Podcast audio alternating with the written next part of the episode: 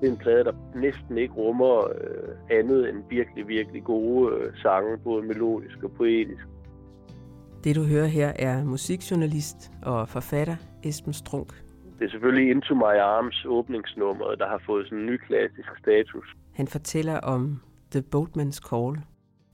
Et album, som Nick Cave and the Bad Seeds udgav i 1997. Det er People Ain't No Good, den her sådan misantropiske øh, salme.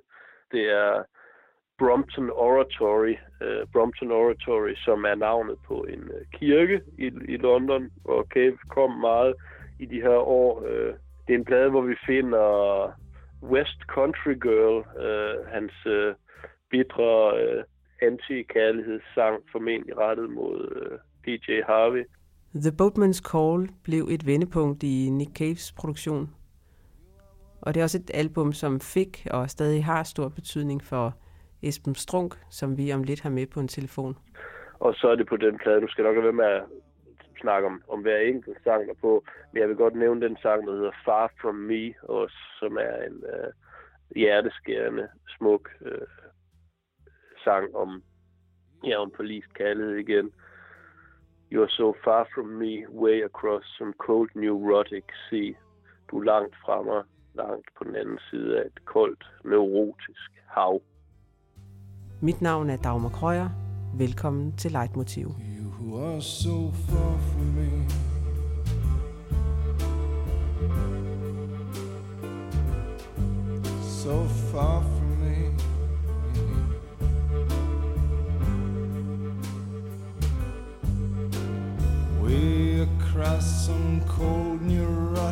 Me.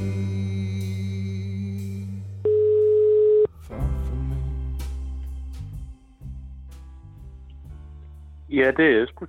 Hej Esben, det er Dagmar fra Biblioteket Frederiksberg. Hej Dagmar. Ja, tak fordi du ville være med i Leitmotiv og fortælle om noget af det musik, der betyder rigtig meget for dig. Og øh, vi skal tale om Nick Cave, og nærmere bestemt om det album, der hedder The Boatman's Call. Vil du fortælle, hvorfor du har valgt øh, lige præcis det album? Altså, jeg synes øh, både poetisk og melodisk set, at man må betragte øh, The Boatman's Call, som udkom i foråret 97, som et decideret mesterværk, og som en af det årtis helt store plader. Og i og med, at 1990'erne også var mine formative øh, år, mine pure ungdomsår, øh, så synes jeg, det giver mening at tage udgangspunkt i den fuldstændig fantastiske øh, plade, og lade den være afsæt øh, for en, en snak om, om måske også Nick Cave som, som sangskriver, sådan lidt bredere betragtet. Ja, der sker en forandring i uh, Nick Caves produktion omkring uh, The Boatman's Call. Vil du fortælle lidt om den? Ja, altså The Boatman's Call er et, et markant musikalsk paradigmeskift, kan man nærmest uh, tillade sig at sige, da den udkommer der i, i 97, øh, hvor at det hidtidige modus, hvis man skal tale meget overordnet, det har jo været, altså Cave of The Bad Seeds træder ind på scenen med det, som tit er blevet kaldt en form for sådan post-punk øh, udtryk, altså i kølvandet på, på den oprindelige punk explosion, og som en del af, af de mange forgreninger, der, der kommer der på 80'er-scenen, øh, med den her arv fra den umiddelbare punkfortid som et, som et fællestræk. Op gennem 90'erne kommer Nick Cave and the Bad Seeds som med nogle mere episke, men øh, og måske mere sådan klassiske rockplader, men stadig rock, ikke med, med et sådan rimelig vildt og balstyrisk øh, udtryk indimellem. Og på The Boatman's Call, der bliver der jo så lige pludselig skåret helt ind til benet. Det er en, en stille, klaverborgen øh, plade, øh, en meget trist og melankolsk, øh, også en meget smuk øh, plade. Øhm, og inden jeg taler mere om det med placering i bagkataloget, fordi det er der en del at sige om, så vil jeg da egentlig også sige, at altså jeg tror også noget af det, der gør The Boatman's Call så særlig, som den er, udover at den er utrolig godt skrevet, og at den er skrevet på et, et vigtigt tidspunkt også i Caves liv og, og karriere. Øh, det plade om, om ulykkelig kærlighed, han stod i, i brud fra sangerinden P.J. Harvey på det tidspunkt. Og jeg tror også, at nogle af sangene på pladen refererer tilbage til, hans, den, den brasilianske, brasilianske kvinde, der var mor til hans, øh, hans ældste søn, øh, Luke. Så det er altså en plade om, om hvad skal sige, kærlighed, der er brudt sammen, øh, hvilket jo kan være en ganske ulidelig følelse, når man står i det. Øh, jeg tror, Bjørn Auxilius, der engang sagde, at øh, en, et forlist kærlighed er som et sunket kontinent, og det er jo sådan lidt melodramatisk måde at sige det på, men det er jo rigtigt, at oplevelsen af en stor kærlighed, der, der falder fra hinanden, er jo dybt forstemmende, og det er en af de ting, den her plade handler om. Så også den, den plade, der forekommer mig handler handle om eksistentiel afkoblethed eller ensomhed i sådan, i sådan lidt bredere forstand. Og det er jo ret interessant, at de her virkelig sådan, det er i hvert fald min personlige oplevelse, jeg ved, jeg langt fra at stå alene med den, men at de her sådan virkelig kulslåede, øh, hårde, mørke, eksistentielle plader også kan være nogle af dem, der bringer allermest øh, trøst og forløsning. Øh, og det er jo et eller andet med at, at føle sig, at, at kunne spejle sig i de her værker og føle sig forstået. Øh, men for at vende tilbage til det oprindelige spørgsmål, mm, så ja. er det altså en, ja, det en, plade, en, plade, en plade, der bevæger sig væk fra det, fra det rockede modus og indleder en uh, serie af plader, han lavede omkring årtusindskiftet, hvor han uh, skærer ind til benet musikalsk, uh, bliver mere afdæmpet simpelthen, og hvor han afsøger kærlighedssangen som format. Han har siden udtalt i et glimrende foredrag, han holdt om emnet i Wien engang, øhm, at det nærmest antog karakter af en form for besættelse af kærlighedssangen, og hvad man kunne gøre med den. Det var et foredrag, han holdt, der hed The Secret Life of the Love Song, kærlighedssangens hemmelige liv, og det er også udgivet på CD faktisk. Øh, rasende interessant, det er sådan en form for poetik nærmest, altså hvor han taler om sin egen, øh, altså sin egen måde, altså sine egne tanker om, om øh, hvordan det giver mening at skrue de her sange sammen på specifikt de her kærlighedssange, hvor en central pointe er det her med, at kærligheden, og dermed også kaldet sang, per definition er et tvækket svær eller en tvetydig størrelse. Altså kærlighed, kærlighedens lykke og forløsning eksisterer kun i kraft af dens modpol. Altså kærlighed kan kun være kærlighed, når den også rummer længsel og vanvittet og desperationen. Og det, altså det, det ved de fleste mennesker, der har oplevet kærlighed, at, at det er det her øh, at det er den her dobbelte størrelse. Det rummer både muligheden for den største lykke og for den største fornedrelse. Ja, det, det er jo noget, vi kan vende tilbage til, når vi øh, dykker mere ned i teksterne. Men lige nu vil jeg egentlig gerne øh, høre lidt om dit forhold til Nick Cave. Altså, du har fulgt ham som lytter i mange år, øhm, men du har også haft mulighed for at møde ham i forbindelse med interviews. Øhm, kan du prøve at fortælle lidt om den udvikling? Øh, faktisk hører jeg Nick Cave første gang, øh, netop da han er i gang, altså live, netop da han er i gang med at lave Boatmans Call-pladen, som han indspiller i sommeren 96. Det år, der spillede Nick Cave and the Bad Seeds på Roskilde Festivalen, og der var jeg så blevet bekendt med, med nogle af pladerne, og det var så den første gang, jeg havde mulighed for at høre dem live, og det var en meget stor oplevelse. Jeg er faktisk blevet opmærksom på, at det er en lille serviceoplysning, det her til jeres lyttere, at hele den Roskilde-koncert, Orange Scene, sommeren 1996, ligger faktisk på, på YouTube, hvor man kan gå ind og se den. Det var ret skægt og spændende for mig at se den igen, fordi det står virkelig som en af de sådan helt afgørende koncerter i min ellers meget righoldige karriere som koncertgænger gennem mange år. Øh, men der, der er vi jo så over 20 år tilbage, øh, og der er jo, man kan finde Cape-fans her i Danmark, der, har, der går endnu længere tilbage, og som oplevede ham i ungdomshuset tilbage i, eller Saga, eller hvor han nu ellers øh, huserede tilbage i 1980'erne. Det er desværre lige en postgang for ung til. Men så det vil sige, at jeg har fulgt ham sådan ret tæt og med sådan en stor personlig interesse siden midten af 90'erne. Længere ned, ned ad vejen har jeg jo så som, som, øh, som øh, journalist fået lejlighed til at, og, og, og deltage i forskellige presseevents omkring nogle af hans udgivelser, og jeg har interviewet ham et par gange, og jeg har også interviewet nogle af hans nærmeste samarbejdspartnere. Øh, Mick Harvey, der var hans højre hånd i The Bad Seeds, og faktisk helt tilbage fra The Birthday Party, som var bandet endnu før. Øh, og også øh, Warren Ellis, der så ligesom har overtaget Mick Harveys plads som højrehånden i The Bad Seeds. Så, øh, så jeg har beskæftiget mig ganske indgående med det øh, i mange år, og det har været rigtig interessant, er rigtig interessant. Ja, ja, det er klart. Altså nu kan jeg ikke lade være med at spørge, det må da være ret vildt at give ham hånden første gang, hvis du i så mange år har været så optaget af hans musik. Åh oh, jo, altså jeg har jo været i den lykkelige og privilegerede position, at jeg har fået lov at møde og interviewe øh, faktisk ma- mange, om ikke størstedelen, som mange af mine musikalske helte. Øh, og, og det skal ikke være nogen hemmelighed, at de her interviews med McCabe, det har der været nogle af de absolute sådan, højdepunkter i mit, mit journalistiske virke, i hvert fald i forhold til de her rockstjerne-interviews. Fordi at, ikke så meget fordi, at, at han er McCabe Cave og den sådan stjerneglans, der er omkring det, det får man et mere realistisk forhold til, øh, hvis man er i det her fag i, i x antal år. Men, men det var et stort privilegium at få lov til at sidde og tale med ham på tomandshånd i sådan en længere stræk, øh, og få lov til at tale om nogle af de her temaer i værket, og altså få lov til at tale med ham, ikke fordi han er Nick Cave, men fordi han er en rigtig interessant skikkelse altså, som, som menneske, som kulturelt ikon og som, øh, som sangskriver. Øh, så, så ja, på den måde var det da en, en, har det da været en stor fornøjelse, og ja, gud var jeg da også sikkert starstruck i en eller anden grad, da jeg gik op ad trappen for at tale med en for i, øh, på sådan en privat klub i, i London, kan jeg huske.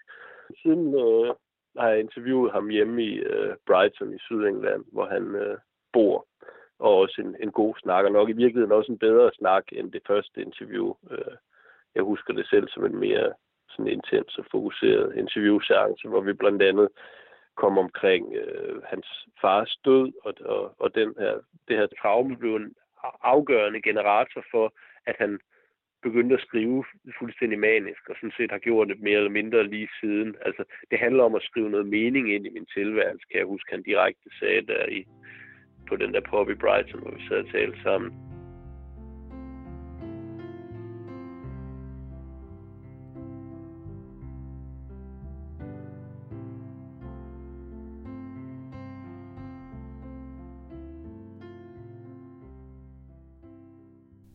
Hvis nu vi skal vende tilbage til The Boatman's Call, er det, er det så et album, som du igen og igen vender tilbage til? Øh, eller kan du sætte et par ord på, hvordan den plade har betydning for dig? Som sagt, den, den kom jo lige der, da jeg, da jeg for alvor opdager Nick Cave, og jeg hører, jeg hører ham der både i sommeren 96 og i, i sommeren 97, hvor Boatman's Call så lige er udkommet.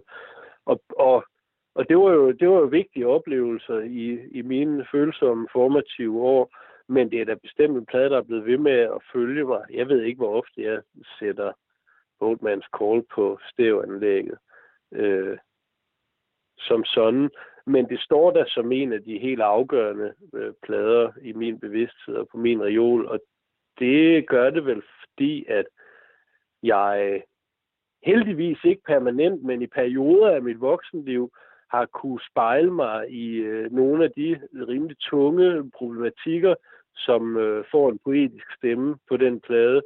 Øh, altså, som jo egentlig altså, det er også ret almindelige menneskelige ting, mange af dem. Ikke? Altså, det er, ja, ja, kan du give et par eksempler mangel, på de problematikker? Ja, det kan jeg sagtens. Altså, det, er jo, det, er jo, det er jo manglen på tro, og den her, den her øh, frygtelige fornemmelse af at befinde sig i et eksistentielt øh, vakuum, hvor der ikke er nogen øh, nogen mening med, med, hvorfor fanden man er her. Altså, det er jo, det er jo altså, det, det er kliniske depressioner, det er, det er misbrug, det er forlist kærlighed, det er altså sådan nogle, sådan nogle tunge ting, som vi mennesker kan rende ind i øh, i perioder af vores liv. Og øh, så er det jo forskelligt, hvad, hvad der så virker i den sammenhæng. Ikke? Altså, men øh, for mig har en plade som The Boatman's Call der været et, lægen lydomslag eller en, et øh, meningsfuldt soundtrack til, til nogle øh, altså til nogle øh, til nogle personlige øh, udfordringer, kan man sige. Ja, ja du nævner øh, nu de her øh, problematikker eller temaer hos Nick Cave, og så, og så siger du også, at, øh, at det er et album, der er stærkt øh, både poetisk, men også melodisk. Øhm, kunne du sige noget om forholdet mellem øh, tekst og musik på det album? Jeg synes ikke, det skal skilles ad. Altså, jeg synes, at det fantastiske ved, ved rockmusik, altså man måske ikke lige kalde Boatman's Call en rockplade, men altså på den anden side, så lyder populær musik, så lyder sådan lidt bedaget, ikke? Men altså det særlige ved den her genre, og, altså, og formentlig også grunden til, at jeg har brugt mit hidtidige arbejdsliv på at beskæftige mig med den her genre, og ikke med konventionel tryklitteratur. Øh, jeg, er, jeg er oprindeligt uddannet kant med litteraturhistorie. Det er jo, det er jo netop, at det kan mere end, end at være bare, øh, bare tekst. Altså det er jo samspillet mellem det melodiske, det musikalske, og så, øh, og så teksterne, der gør, at rocken eller poppen bliver en, en, udtryk, en kulturel udtryksform, som der kan tale til både intellektet, øh, men jo også til nogle ting hensides øh, sproget. Øh, det er der jo nærmest et eller andet magisk over. Øh, det er med, at det ikke bare er digte, men der er den her performative dimension, der gør, at det bliver noget mere, øh, at det bliver løftet til noget andet. Husk, øh, for at vende tilbage til de interviews, jeg har lavet med Cave gennem årene. Husk, det var faktisk noget, vi drøftede ved en af de lejligheder, der med forskellen på det trygte digt og sangen. Og, så, og han sagde et eller andet i stil med, kan jeg huske, at øh, du, kan slippe, du kan gøre meget mere med en sang, du kan slippe afsted med meget mere med en sang, mens et øh, dårligt digt, it just, uh, it just sits there like a turd on a plate, som han sagde. Altså, et dårligt digt ligger der bare som en, som en pøle på en tallerken, ikke? og så kan man ikke rigtig gøre så meget med det. Hvor en sang er er ikke bare øh, sangen, men også den måde, den bliver gestaltet på. Øh, så for at svare på dit spørgsmål, jeg synes, det hele går op i en højere enhed på den her plade, og det er jo, øh, det, er jo det, det, det fantastiske, der kan ske med, med rockplader indimellem. Det er både nogle virkelig gode, mindeværdige melodier, øh, og det er nogle fantastiske tekster, som for mig personligt er, er fuldstændig uafrystelige, som på en eller anden måde er skrevet ind i, ind i min, min bevidsthed, og der vil de formentlig øh, blive, blive hængende. Øh. Altså, nu sidder jeg her med, med teksterne fra The Boatman's Call, øhm, og jeg tænkte, det kunne være spændende at dykke ned i et par af dem. Øhm, kunne du øh, prøve at fortælle, hvad der er, der er på spil i øh, for eksempel i åbningsnummeret Into My Arms? Men altså, det, der er med Into My Arms, udover det nok, at der er sådan en bredest kendte sang på pladen, det er jo, at det er en sang, hvor han meget direkte øh, viser det. Altså man kan sige, det religiøse og den religiøse sådan, ikonografi og det religiøse sprog er jo noget, der fylder meget i Nick Caves sangskrivning. Øh, og i den her sang, der, der bliver det repræsenteret med sådan ret stor tydelighed, at når Nick Cave han bruger de her religiøse billeder, så gør han det øh, tømt for deres dogmatiske indhold. Det kommer til at betyde noget andet. Øh, og det er en sang, som der mere eller mindre direkte artikulerer det her med, at i fraværet af dogmatisk religion, i fraværet af en samlende fortælling om vores tilværelse. Det er virkelig en modernistisk problemfelt, det her. Øh, og jeg tænker, man kan betragte Nick Cave som en form for en romantisk modernist, eller modernistisk romantiker måske. Altså, at i det her store meningstab, i det store eksistentielle vakuum, der er det moderne menneskes grundlæggende problem, der, der bliver kærligheden ligesom den bærende og forløsende kraft. Der bliver kærligheden det, der, kan, det, der træder i, i det guddommelige sted. Og det synes jeg er meget, øh, jeg håber ikke, det bliver sådan alt for abstrakt og akademisk, men det synes jeg, han, han egentlig artikulerer meget elegant og meget også sådan tydeligt i det her tekst, hvor den allerførste linje i sangen jo er, I don't believe in an interventionist God. Altså, jeg tror ikke på en Gud, der, der griber ind i, i vores verden. Og så hen mod slutningen af teksten, nogle minutter senere, gentager han nærmest som et mantra, but I believe in love, men jeg tror på kærligheden. Og det er sådan en, en figur, han sådan poetisk har brugt flere steder i sine tekster. Altså det her med, nej, der er ikke nogen Gud til, og der er ikke nogen samlende fortælling. Der er ikke nogen overordnet mening, men der er trods alt kærligheden, som den, øh, som den forløser, vi, vi som øh, fremmedgjorte, moderne mennesker har, har tilbage. I don't believe in an interventionist God.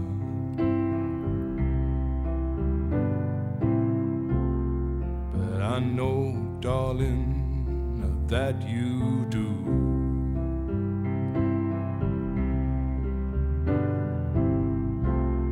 But if I did, I would kneel down and ask him.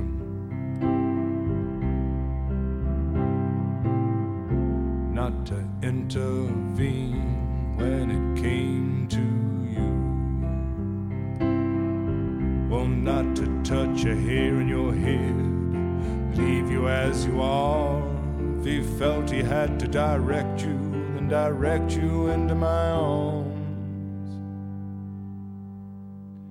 Into my arms, oh Lord, into my arms, oh Lord, into my arms, oh Lord, into my arms.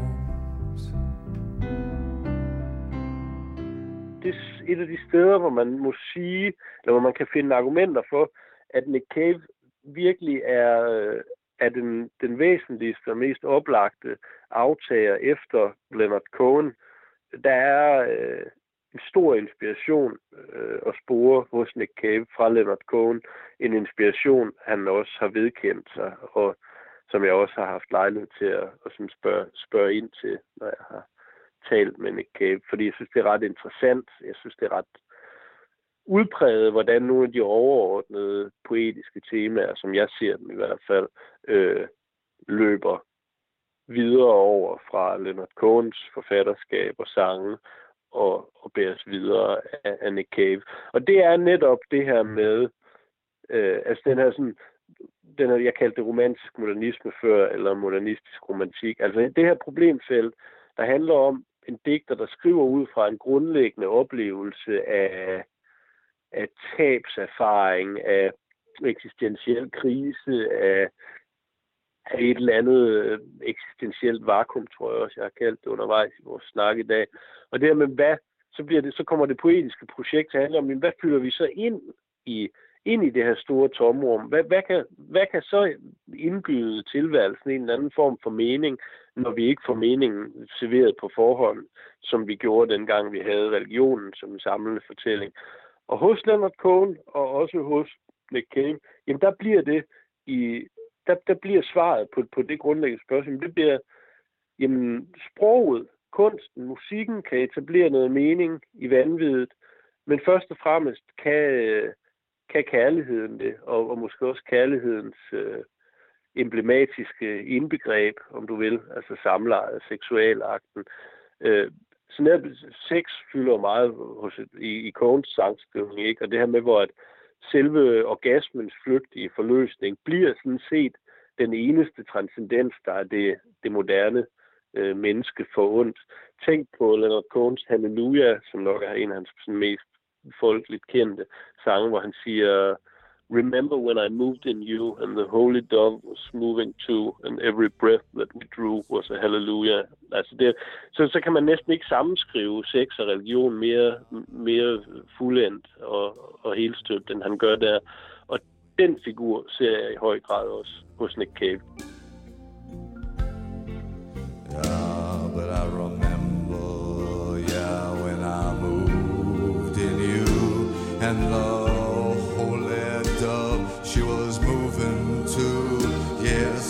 Every single breath that went through was hallelujah.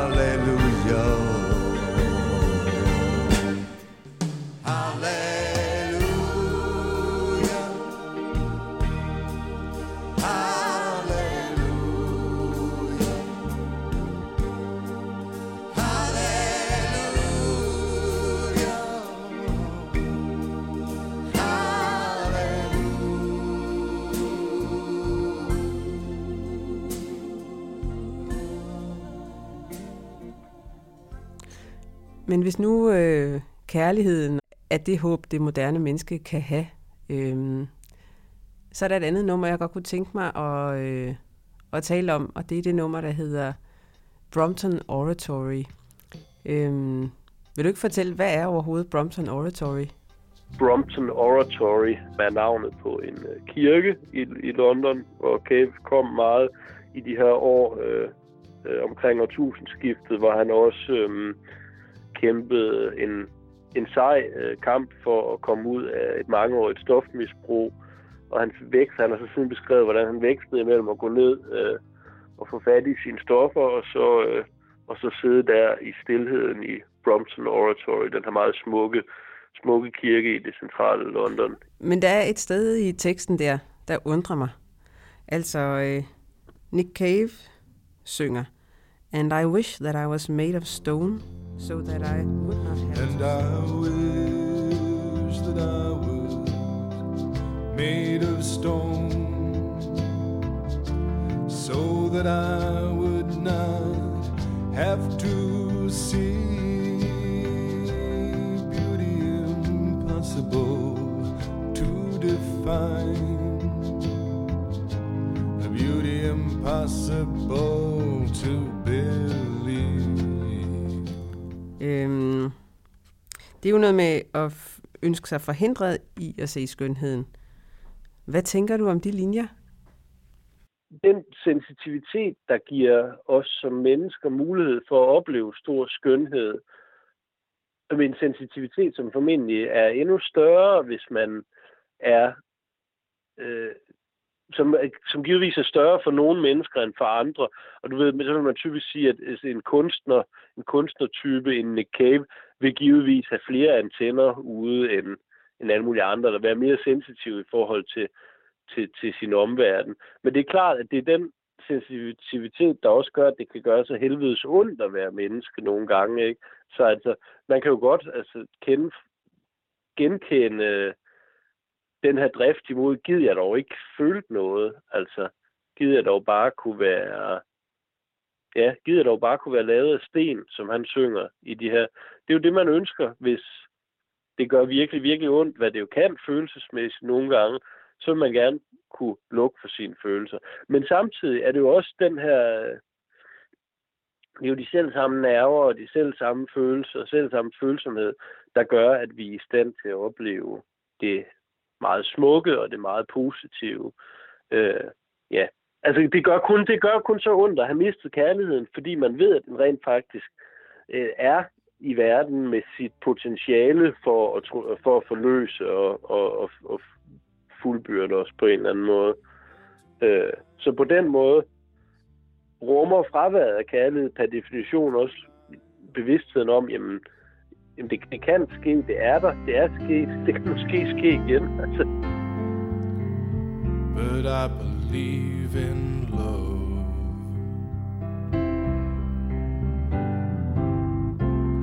And I know that you do too.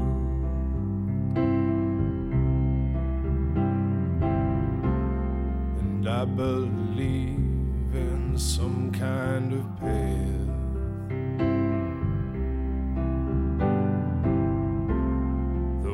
Can walk down, me and you. So keep your candles burning, make a journey bright and pure. That you'll keep returning always and evermore. Into my arms, oh Lord, into my